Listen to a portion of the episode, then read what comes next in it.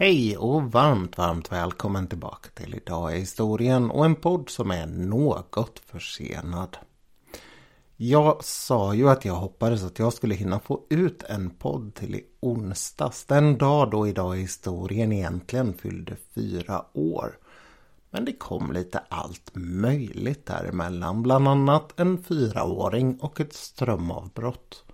Och medan jag gick runt här hemma och drog ur sladdar och försökte komma på vad det var som orsakade det där så blev jag allt mer förstående för varför folk en gång i tiden valde att bli eremiter.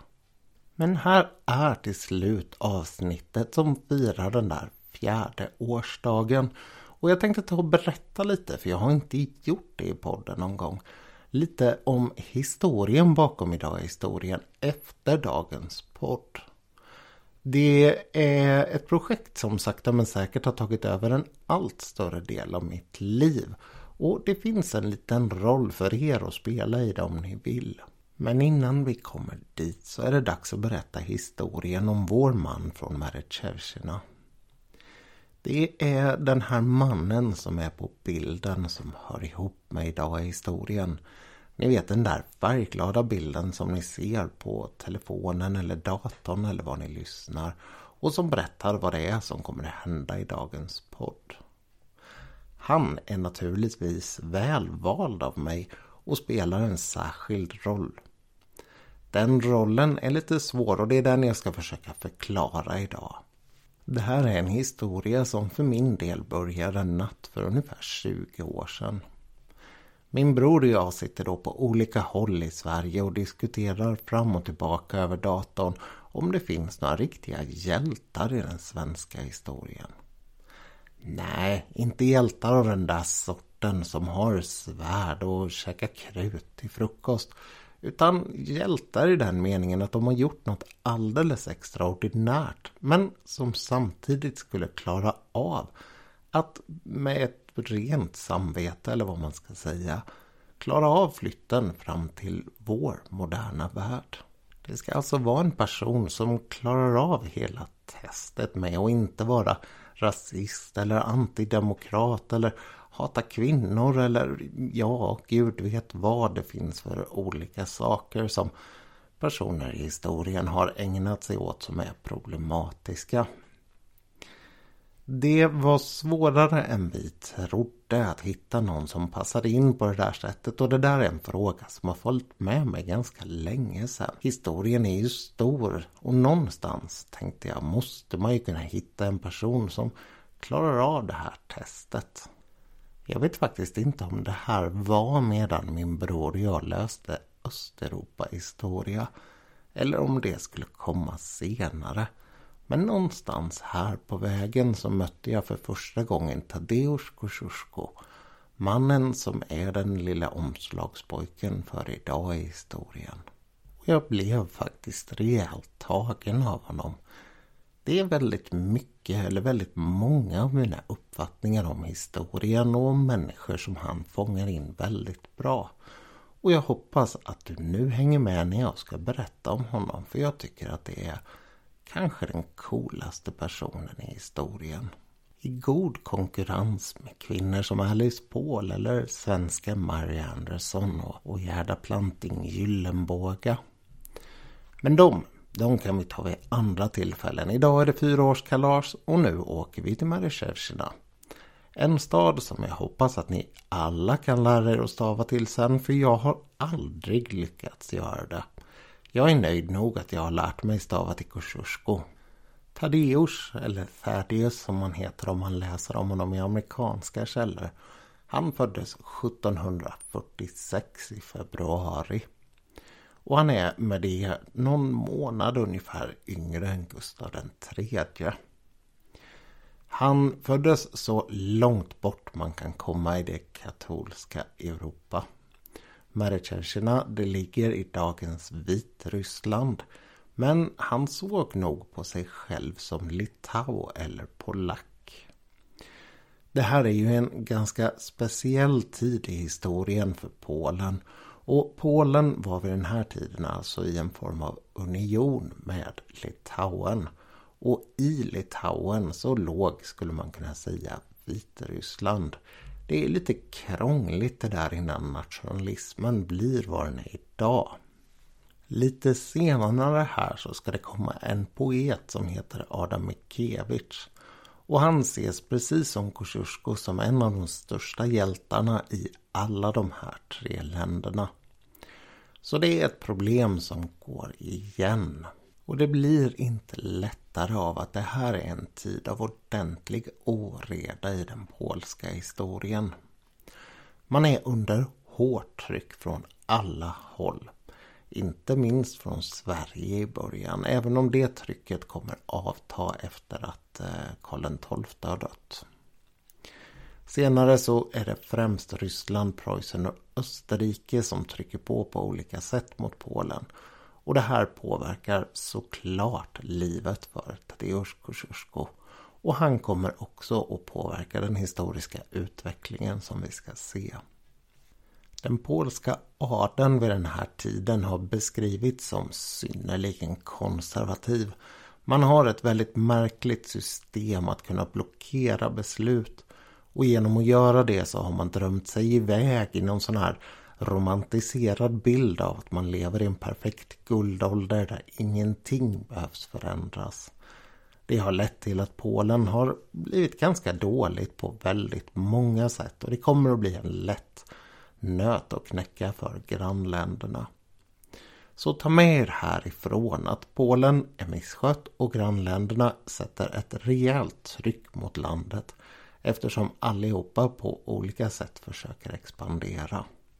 Tadeusz tillhörde själv adeln. Hans föräldrar Ludvig och Tekla de eh, var lite sådär i utkanten både i geografisk och social mening.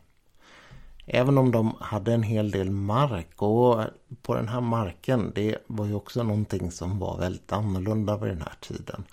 Så ägde de ju även människorna som arbetade där. Det är ju det som kallas för livegenskap och man räknar med att det var ett 30-tal familjer som de hade på det sättet.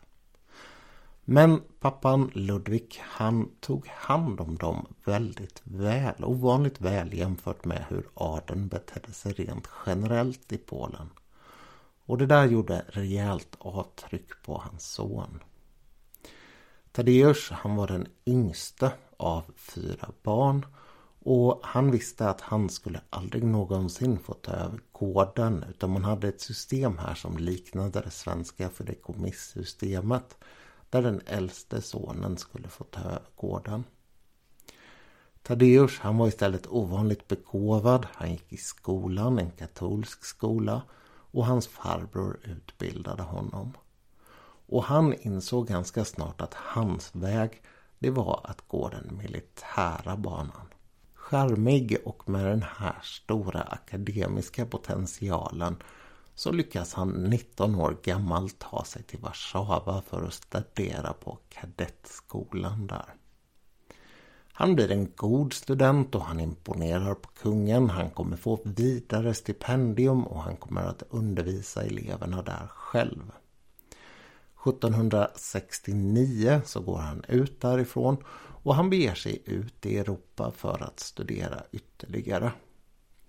Den väsentliga delen av den här undervisningen den ägde rum i Paris. Det var ju onekligen ett centrum i Europa vid den här tiden.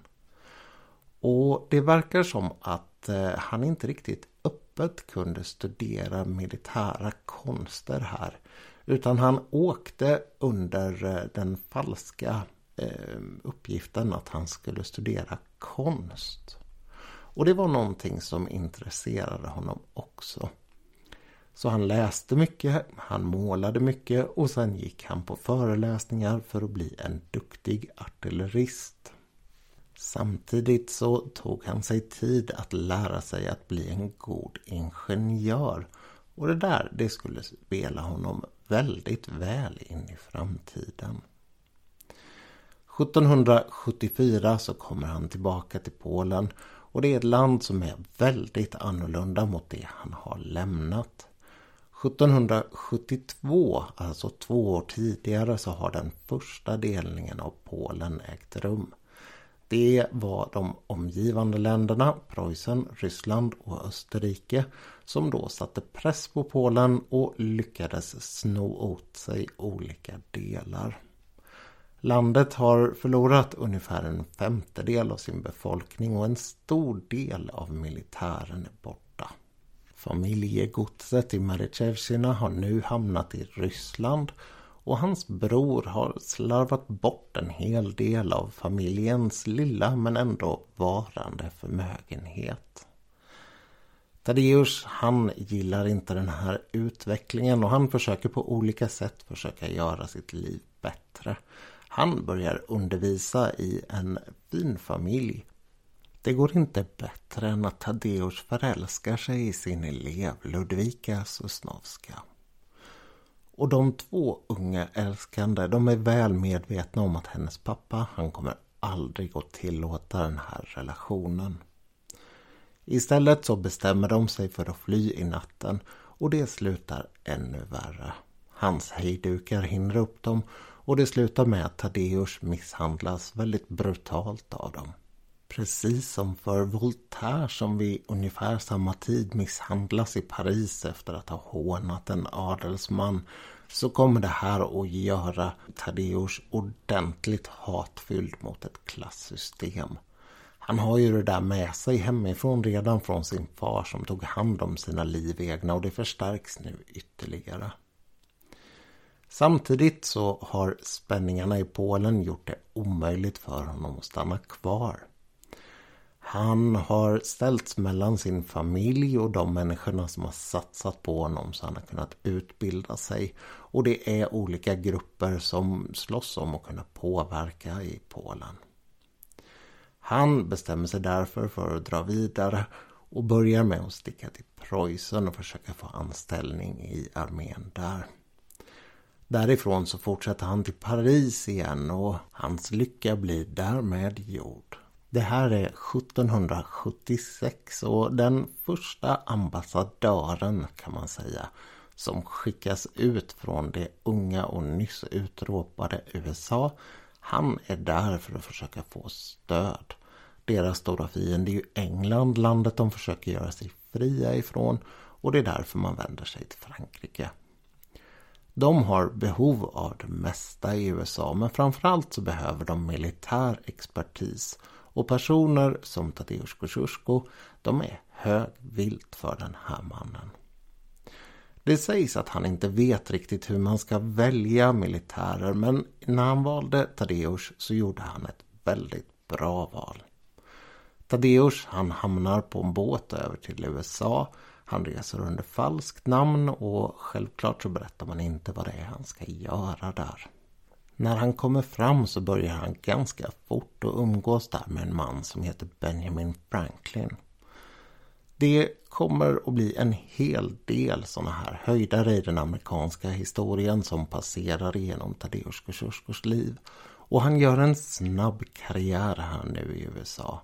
Som god militäringenjör så är det väldigt viktiga kunskaper för den unga nationen han besitter.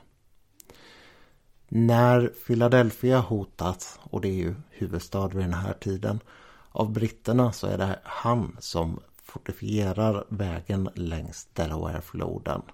Och det är på så vis som man lyckas stoppa den här attacken mot staden. Senare så kommer han att spela väldigt stor roll för eh, olika fortifieringar runt om i den här delen av New England, i New Jersey och runt om i New York. Det är kända strider som Ticonderoga och Saratoga och för den som är intresserad av militärhistoriska så kan man dyka djupt i det här. Jag har ju sagt tidigare att jag inte är särskilt intresserad av militärhistoria. Så varför är jag då så fascinerad av den här mannen som har en så stor militärhistorisk betydelse? Jo, det är hans anledning att slåss som jag beundrar. Han åker till USA helt enkelt därför att i Polen finns det ingen plats för honom att skydda sitt land. Men i USA, menar han, så bedriver man en rättvis kamp för att göra sig fri mot en oschysst härskare, den engelska kungen. Den unge Tadeusz han har nämligen bestämt sig för att demokrati är vägen framåt och om någon hindrar ens möjlighet att göra sig fri så är det rätt att ta upp vapnen. Och om man vill hjälpa någon som försöker göra sig fri så är det helt okej. Okay. Och det är därför han stannar i USA och slåss fram till 1783. Den sista delen i de södra delarna av kriget, alltså nere i områdena i Carolina. Efter freden i Paris när England och USA har gjort upp och slutit fred så hyllas han i kongressen. Där är det ingen mindre än George Washington, mannen som han tidigare har varit adjutant åt. Som eh, berättar att det är med stor glädje han kan göra honom till brigadgeneral, belöna honom med ett stort landområde i Ohio och ge honom en hel del lön. Han får dessutom ett svärd, två pistoler, en ring och blir medlem i en officersförening för veteraner i det här kriget. USA är ordentligt tacksamma för de insatser som Tadeusz Kosciuszko har gjort. Och frågan är om det hade gått lika bra för USA utan den här polske mannen och andra personer som på olika sätt kom dit, sökte lyckan och försökte hjälpa den unga nationen. Tadeusz han bestämmer sig efter det här för att bege sig tillbaka till Polen. Han tar vägen via Paris och 1784 så är han hemma igen. Där lever den knappt 40-årige mannen ett rastlöst liv som pensionär. Han försöker sköta om den här gården lite men nej, han trivs inget vidare. När den polske kungen 1789 ber honom om hjälp med att utbilda militärer så tar han chansen. Och samtidigt så börjar politiken i Polen sakta men säkert att gå hans väg. 1791 så hände det något väldigt, väldigt intressant i Polen. Det är en liten kupp i den polska riksdagen som gör att man får igenom en konstitution. Och det här det brukar kallas för den andra konstitutionen i världen. Ni vet den amerikanska den kom ju först. Och här några år senare så kommer alltså en liknande konstitution i Polen. För den amerikanskt influerade Tadeusz och en man som väldigt tydligt slåss för de här politiska rättigheterna så borde ju det här vara en skön utveckling. Men Tadeusz, han tycker inte att det är tillräckligt. Han blir förbannad för han förstår inte hur man kan göra en sån här konstitution och skapa ett medborgarskap men samtidigt ställa bönder och judar utanför den här gruppen av medborgare. När motsättningarna sen blir tillräckligt starka och motståndarna till konstitutionen vänder sig till Katarina den stora, ironiskt nog född i polska Tjetjin, alltså den staden som på tyska heter Stettin, i ett hus som är fruktansvärt fult renoverat. Det är en av de största besvikelserna i mitt liv att se hennes födelsehus. Nog om det så blir det ett ordentligt krig igen. Även om Tadeusz inte tror på den här konstitutionen så tror han ännu mindre på att Polen ska bli ockuperat av Ryssland. Det vore ett rejält steg åt fel håll och därför så tar han till vapen. Han blir en av de mest framgångsrika officerarna i det här kriget. Han förlorar inte något slag under hela kampen. Förlorar gör däremot Polen och det är dags för nästa delning av Polen. Landet krymper ytterligare och Tadeusz han får fly till Paris igen.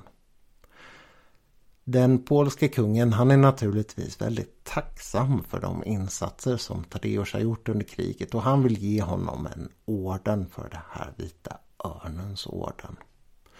Men Tadeusz säger väldigt lugnt och sansat till kungen att jag tror inte på kungamakt. Och därför kan jag inte ta emot din medalj. Jag gjorde det här för Polen och jag gjorde det här för det polska folket. Inte för den polske kungen. I Frankrike så försöker han hitta stöd för Polen. Men det är svårt. Det här är ett land som är hårt drabbat av fem år av ja, inre motsättningar, strider och gud vet vad efter revolutionen. Precis som en annan fantastisk person i vår historia, Mary Wollstonecraft, så blir Tadeusz Kosciuszko tämligen omgående totalt desillusionerad av den franska revolutionen. Allt fint han har hört om den och alla fina slagord som används här inser han väldigt snabbt att det bara är total dynga. Det är bara en massa fraktionsstrider och olika människor som försöker skapa sig makt på olika sätt. Och det gör honom ordentligt illa. 1794 Ah, förlåt, nu sa jag fel då. Han stack 1792 till Paris. Så det är tre år av strider under revolutionen. Ursäkta där. Jo, 1794 så är han tillbaka i Polen. Och det är dags att göra uppror mot ryssarna. Det här upproret kommer gå till historien som Kosciusko-upproret och det börjar en liten bit utanför huvudstaden i en by som heter Ratsvoiste. Åtminstone så är det så på min bristfälliga polska. Men det som händer där, det är väldigt intressant. Därför att Tadeusz, han leder en väldigt dåligt rustad här. Så hade det varit i det förra kriget och så var det ännu mer den här gången. Det var i princip bönder som hade tagit vad de hade och som slogs med det.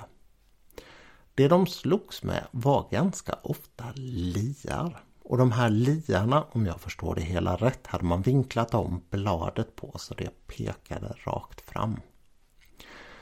De ryska soldaterna som befann sig där, de blev livrädda när de här människorna anföll. Just därför att liemän har en del i folktron. I Ratsvawiste så hade man en rejäl framgång och det här det tände den polska nationen. Man fick stöd från alla möjliga håll och folk tog till vapen. Det blev en hård kamp men ryssarna fick hjälp av preussarna och till slut så hade man krossat upproret. Den här gången så delar man inte Polen på ett sätt så någonting blir kvar utan man stryker det bara rakt av från kartan. Och för Tadeusz så kunde han inte göra mycket annat, han blev skadad, än att sätta sig och bli fånge i Ryssland. Han hamnade på en fästning i Sankt Petersburg och där satt han i två år innan Katarina hade dött och hennes son Paul den förste hade blivit tsar. Tadeusz han släpps här och han får svära att aldrig någonsin ta till vapen mot Ryssland igen. Sen beger han sig via Sverige och jag har faktiskt inte hittat någonting om vad han gjorde när han var i Sverige. Om någon vet så snälla, snälla tipsa. I vilket fall som helst så beger han sig via Sverige till England och sen tillbaka till USA. Han återvänder återigen till Philadelphia och där så bosätter han sig i ett litet hörnhus som fortfarande idag finns kvar. Det här huset är idag USAs minsta nationalpark. Just för minnet av Tadeusz Kosciuszko. I USA i den här vändan så är det inte Benjamin Franklin och George Washington som han umgås med utan istället så lär han känna Thomas Jefferson. De blir väldigt, väldigt goda vänner och de kommer att fortsätta vara det ända fram till att döden skiljer dem åt. Thomas han hjälper Tadeusz att få alla de där sakerna som han hade blivit lovad förra vändan i USA. Sin mark i Ohio och en hel del pengar i lön som han aldrig fick ut förra gången. Tadeusz han tar det lugnt i USA i ett par år och sen hör han att det börjar dra ihop sig borta i Europa. Det har tydligen dykt upp någon ny kille i Frankrike som heter Napoleon och han har börjat dra lite i trådarna kring Kosciuszko. Han vill ha hjälp av polackerna och slåss mot ryssarna och han menar att det skulle vara en alldeles utmärkt idé att ha med sig den unge Kosciuszko i det här. Eller ung, han är inte så ung längre i det här fallet men ni vet vad jag menar. Tadeusz han ordnar en väldigt diskret sorti från USA. Och han gör det på finast möjliga vis. Han vet att allting han äger i USA omöjligen kommer kunna flyttas med till Europa på något rimligt sätt. Och därför så tar han och ser till att Thomas Jefferson ska omsätta allt han äger i pengar och sen använda de här pengarna för att köpa så många slavar som möjligt fria, bygga en skola åt dem och utbilda dem till ett frigjort, självständigt liv. Av olika skäl så kommer det inte riktigt gå så där med hans testamente. Det är motstridiga uppgifter i det och det finns en hel del olika personer som har andra intressen. Det är uppe och vänder några gånger i den amerikanska högsta domstolen och så vidare. Men det leder i alla fall till att en av de första skolorna för svarta startas i USA. Se där, en man från Vitryssland som har ordnat det. Han kommer tillbaka till Paris 1799 och han är ganska entusiastisk över Napoleon. Det här är spännande, det har varit revolution, det har börjat ordna upp sig. Och så tar den där fransmannen och utropar sig själv till kejsare. Något utav det värsta Tadeusz vet. Han blir riktigt stött av Napoleons utveckling och vägrar ha med honom att göra. Under de kommande åren så sitter han i Paris och studerar och målar. Han skriver en bok om hästartilleri och han jobbar på den demokratiska idéns historia.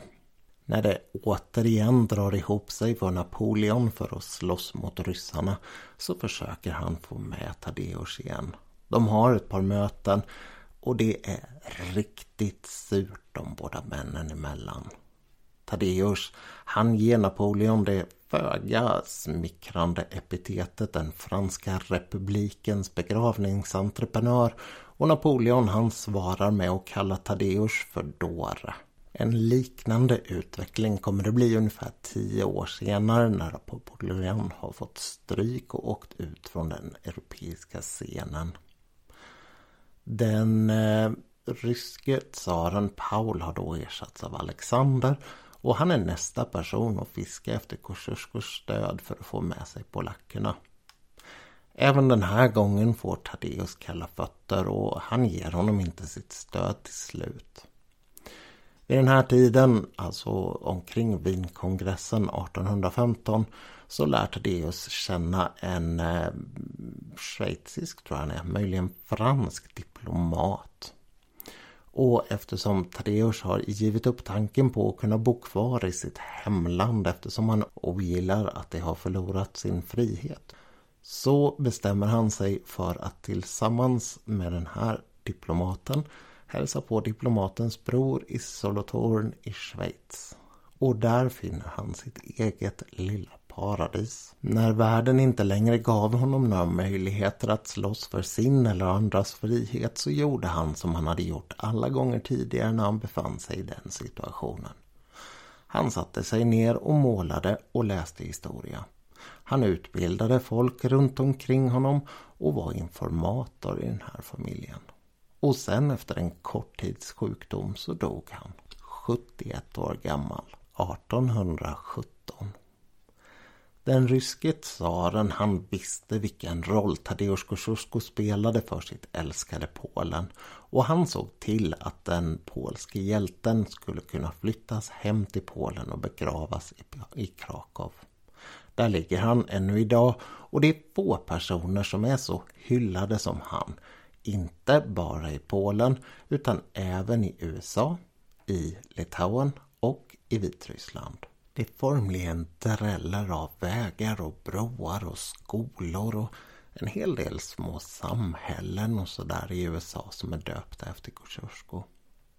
Han står staty på flera ställen och sen finns det runt om i världen utspritt en hel del märkliga saker döpta efter honom. Vem hade någonsin kunnat tro att den högsta punkten i Australien var döpt efter en adelsman från Mereshevshina?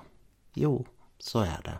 Och under andra världskriget när polska frivilliga slogs ihop med de allierade för sitt lands sak så döpte de såklart sina grupper efter Kosciuszko, deras stora frihetshjälte. Men det häftigaste som finns vad det gäller Tadeusz Kosciuszkos olika hyllningsgrejer är kopiets Kosciuszko. En hög kulle, konstgjord, byggd av människor från jord på olika slagfält där han slagits för Polen. Jag har lite svårt för den där militäriska delen av det men å andra sidan så slogs han för frihet och det tycker jag är helt okej. Okay. Det har jag inga problem med. Den här kullen den är 34 meter hög och har en slingrande väg runt omkring sig. Och sök på den, Kosciuszko Mound på engelska. Den är skit Häftig rent ut sagt. Lite sorgligare är hur, hur hans arv hanteras i Vitryssland. Demokrati och medborgerliga rättigheter är ju dessvärre en bristvara i Vitryssland idag. Det vitryska folkets kamp mot despoten Lukasjenko kan knappast ha undgått någon och därför så är det väl inte särskilt förvånande att Kosciuszko inte är någon man hyllar särskilt mycket i hans hemland. Den första statyn av honom i det moderna landet Vitryssland lär ha rests 2016. 2003 så såg USA till att man byggde upp en replika av gården där han växte upp i Mereshevshina. Och där hade man bara en minnessten där man tog upp hans insatser som militär. På samma sätt är det om man tittar på den vitryssla, vitryska och officiella hemsidan. Man tar bara upp att han har varit militär i Polen och i USA. Ingenting om vad det var han stod för och ingenting av vad det var han slogs för. Desto mer vräker man på om Marc Chagall. Det är faktiskt när vi ändå är inne på ämnet med problematik kring Tadeusz Kosciuszko problematiskt även för polacker med honom. Han är ju hjälte även i Polen idag och det är där inte särskilt uppskattat att han var ordentligt emot katolska kyrkan. Kosciuszko tycks ha haft en uppfattning om världen som att Gud skapade den och sen lämnade den. Och det är ju någonting som inte går hand i hand med katolicism. Och därför så är han problematisk för nationalister även i Polen. Så där har ni honom. Idag är historien slutshelgon. Min historiska hjälte och en person som jag hittills inte har hittat några svårare fläckar på. Men vem vet, en dag kanske jag gör det. Kanske någon av er som har lyssnat på det här tänker Men herregud, hur kan han ha missat det där? Och skriver någonting på Instagram som gör att jag får ompröva hans status. Tills dess så är jag i alla fall väldigt nöjd att det finns personer som han. Personer som är långt, långt före sin tid och slåss för allting som är rimligt, rättvist och gott. Frihet och jämlikhet. Som bryr sig lika mycket om bönder och judar och svarta som adel och alla andra som han ville jämställa och låta leva i en rättvis värld. Är det ändå inte ganska fint att tänka sig att någon faktiskt la sitt liv på att slåss för det här redan på det sena 1700-talet. En person som inte har alla de här märkliga sakerna som man hittar om alla andra. Hans goda vän Thomas Jefferson inte minst har ju ett liv med en hel del märkliga fläckar. Jag hoppas i alla fall att ni har tyckt att det här har varit en spännande resa igenom en faktiskt ganska stor del av världen vid den här tiden. Alldeles oavsett ni hade hört hans namn tidigare eller inte. Jag tycker det är fascinerande att vårt södra grannland har en så liten del i den svenska historieundervisningen. Och jag tycker att det är fantastiskt att de flesta människor går rakt igenom skolan utan att någonsin höra talas om den här mannen. Eller egentligen särskilt många andra polacker än Sigismund och Copernicus. Precis sådana där historier som jag för fyra år sedan startade idag i historien för att kunna berätta. Jag hade då läst filosofi, historia och statskunskap på universitet och högskola. Och sen börjat jobba med något helt annat än de ämnena. Min fritid ägnade jag till väldigt stor del åt att lyssna på föreläsningar på iTunes University. Och när jag var ute och gick med den kära Maja så hade jag alltid någonting spännande i öronen. Det hände sig också vid den här tiden att jag skulle bli pappa. Och när jag fick min son för lite drygt fyra år sedan så insåg jag väldigt fort att jag spelade någon form av andra fiol den här första tiden. Och jag lärde mig snart att det bästa jag kunde göra var att finnas till hands och sen hålla mig undan. Och det där gav mig en hel del fritid som jag inte riktigt visste vad jag skulle göra med. Och då började det klia ordentligt efter att skriva igen. Jag kommer ihåg hur jag stod här inne i just det här rummet och sa till min fru Tror du att man skulle kunna starta ett Instagramkonto där man skrev om någonting som har hänt på den dagen historiskt och få lite följare? Och det gick faktiskt. Det blev fler och fler följare och det blev mer och mer ambitiösa inlägg. Det var dessutom fruktansvärt roligt. Och grunden för det här det var ju hela tiden att skriva om någonting som intresserade mig. Därför att om det intresserade mig så borde det åtminstone intressera någon annan. Och det gjorde det som sagt. Men i takt med att min son växte och det här med skrivandet mer och mer gled över från att vara en fritidssysselsättning till att bli någon ny form av jobb så tappade jag lite sugen för att skriva de där idag i historien-grejerna. Åtminstone varje dag. Det fanns fortfarande en lång lista med olika ämnen kvar som jag ville berätta om. Men de där dagarna de kom aldrig snabbt nog. Alltså de rätta datumen. Och när jag väl hade kommit vidare så pass långt att jag hade sagt upp mig, skrivit en bok och börjat föreläsa så kom den här härliga sjukdomen som vi kallar Corona. Jag minns fortfarande hur jag den 8 mars förra året föreläste om kvinnor som på olika sätt hade gjort motstånd lite inspirerat av Kosciuszko såklart, eller en liknande kamp kan vi säga. Och allting verkade toppen. Det var några människor som kom fram efteråt och sa att det här var ju jättebra, vi skulle vilja ha dig som föreläsare mer och bla bla bla. Så där som det ska vara efter en riktigt bra föreläsning. Och sen blev det måndag och pang så klappade hela Sverige igen. Ni minns det där själva och ni är säkert lika trötta på det där som jag vid det här laget. Det är en fruktansvärt märklig tid som ligger bakom oss och tyvärr så ser ni ju inte ut att vara slut än. Jag hade aldrig trott att vi skulle kunna vara med om något sånt här och jag hoppas verkligen nu när man har gått igenom det att vi inte kommer vara med om det igen. Personligen för min del så har det varit ett riktigt hårt år. Det har inte funnits några möjligheter att komma ut och prata. Jag hade en föreläsning i oktober och sen tog det tvärstopp igen med andra vågen. Det har varit lika svårt att sälja artiklar eftersom tidningarna har haft svårt att hitta folk som vill annonsera och då är de inte lika intresserade av att köpa frilansgrejer. En av alla de fantastiska människor jag har lärt känna genom idag i historien det är en målare som heter Mange Pettersson han är fantastiskt duktig. Kolla på honom. Mange Pet på Instagram. Han sa en gång när vi skickade meddelanden fram och tillbaka att helst av allt så skulle man ju bara vilja ge bort sina grejer till folk som uppskattar dem. Och precis så känner jag också. Dessvärre så har jag kommit till den punkt när jag känner att jag inte längre kan göra det. Det går åt alldeles för mycket tid till att göra en seriös podd.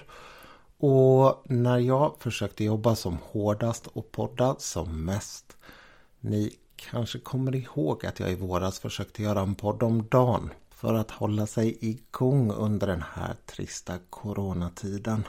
Så tog det stopp. Jag blev sjuk och jag blev ordentligt sjuk. Nu har jag kommit igång igen och jag har börjat jobba igen men det är fortfarande samma tragiska situation vad det gäller bokningar och därför så skulle jag faktiskt på något sätt behöva tjäna lite pengar på podden. Det känns märkligt trist att behöva be om det även om man faktiskt inte borde göra det efter några hundra inlägg på Instagram och 70 poddar. Och jag har funderat mycket på vilken väg man ska gå med det här. Ska man satsa på reklam eller ska man satsa på någon form av finansiering från er lyssnare? Och jag måste säga att jag har faktiskt inte blivit särskilt mycket klokare ju mer jag har tittat på det där. Reklam känns ju trist eftersom det begränsar min frihet i viss mån och därför att det kan leda till någon form av intressekonflikt där jag måste uttrycka en viss uppfattning som jag kanske inte är helt bekväm med.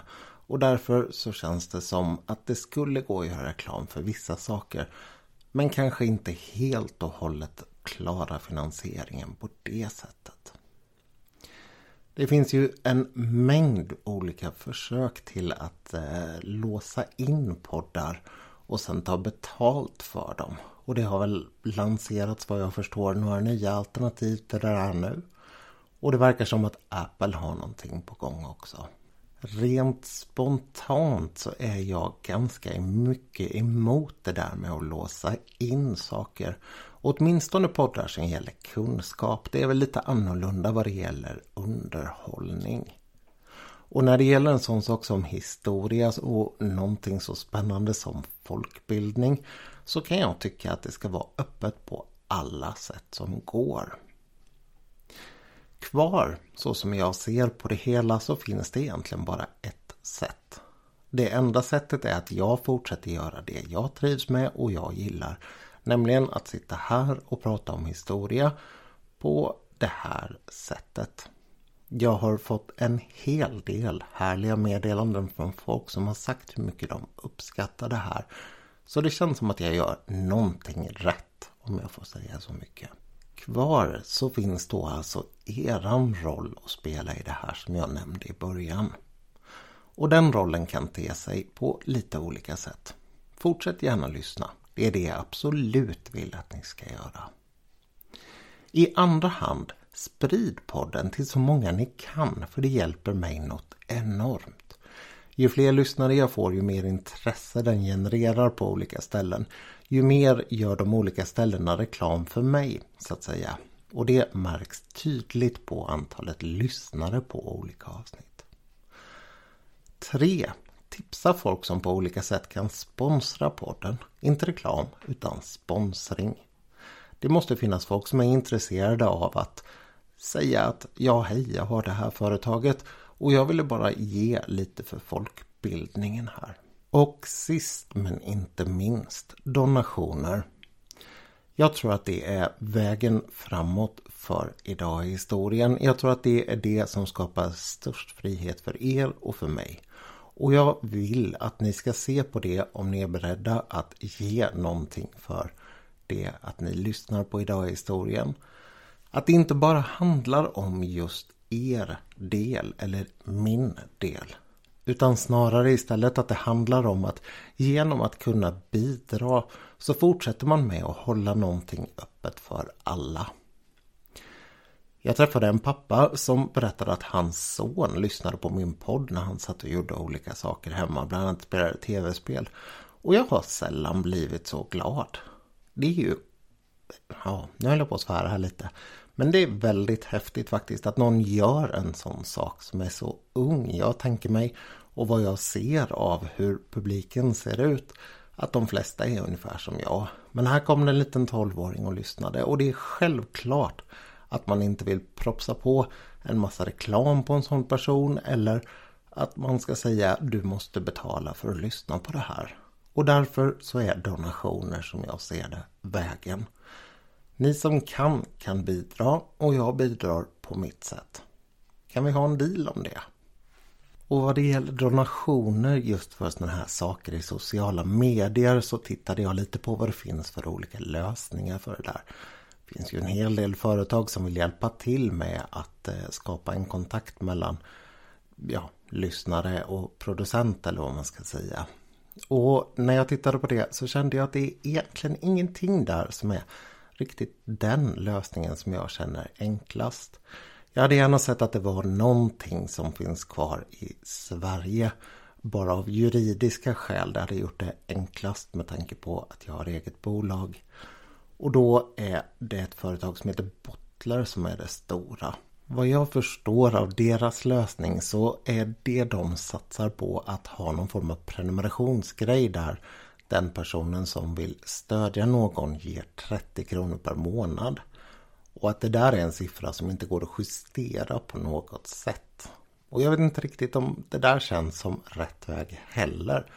Att det måste vara precis den summan och att det ska vara någon form av prenumerationsgrej. Nej, om ni vill ge prenumerationsge så gör det själva och bestäm summan själv. Om man vill ge ett engångsbidrag eller om man bara har lyssnat ett tag och känner att det där kan jag skicka iväg lite pengar till så ska ju det också fungera.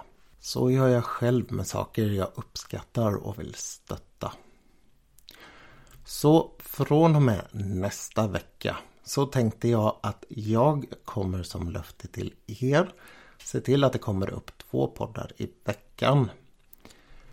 Och jag hoppas att det här kan fortsätta leva genom att jag får donationer från er. För att på något sätt så måste det bli ekonomi i det här. Trist men sant. Och för att det ska vara praktiskt genomförbart så måste det gå genom mitt företag som jag ser det. Och det vill jag vara helt öppen med.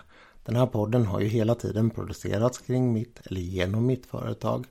Och donationer kommer i sådana fall också gå dit via Swish och Bankgiro. De uppgifterna kommer jag lägga ut i Instagram-profilen från och med nästa vecka. Och samtidigt då sikta på att hela tiden göra två poddar. Och jag vill vara väldigt noga med att säga att jag inte på något sätt och vis kräver att någon ska lyssna eller betala för att lyssna på det här. Utan tvärtom, det ska vara en helt frivillig grej. Men om ni känner att den här podden och sättet som kunskap sprids på vad det gäller poddar är någonting som ni vill stödja så är jag väldigt tacksam om ni kan hjälpa till och stödja. Vare sig det är på ett så här bottlerliknande sätt med en månadsdonation eller om det är en engångssumma eller vad det är. Och alla de där andra sakerna som jag sa också. Att sprida kunskap om podden och att på olika sätt få in det i lite samtal och sådär och få fler lyssnare. Med allt det här sagt och närmare en timme av babbel så ska jag låta era öron vila. Jag hoppas innerligt att ni blev lika förtjusta i Tadeusz Kosciuszko som jag är. Och jag hoppas att jag en dag lär mig stava till Maryshevkina. Tills vi hörs nästa gång, allt gott.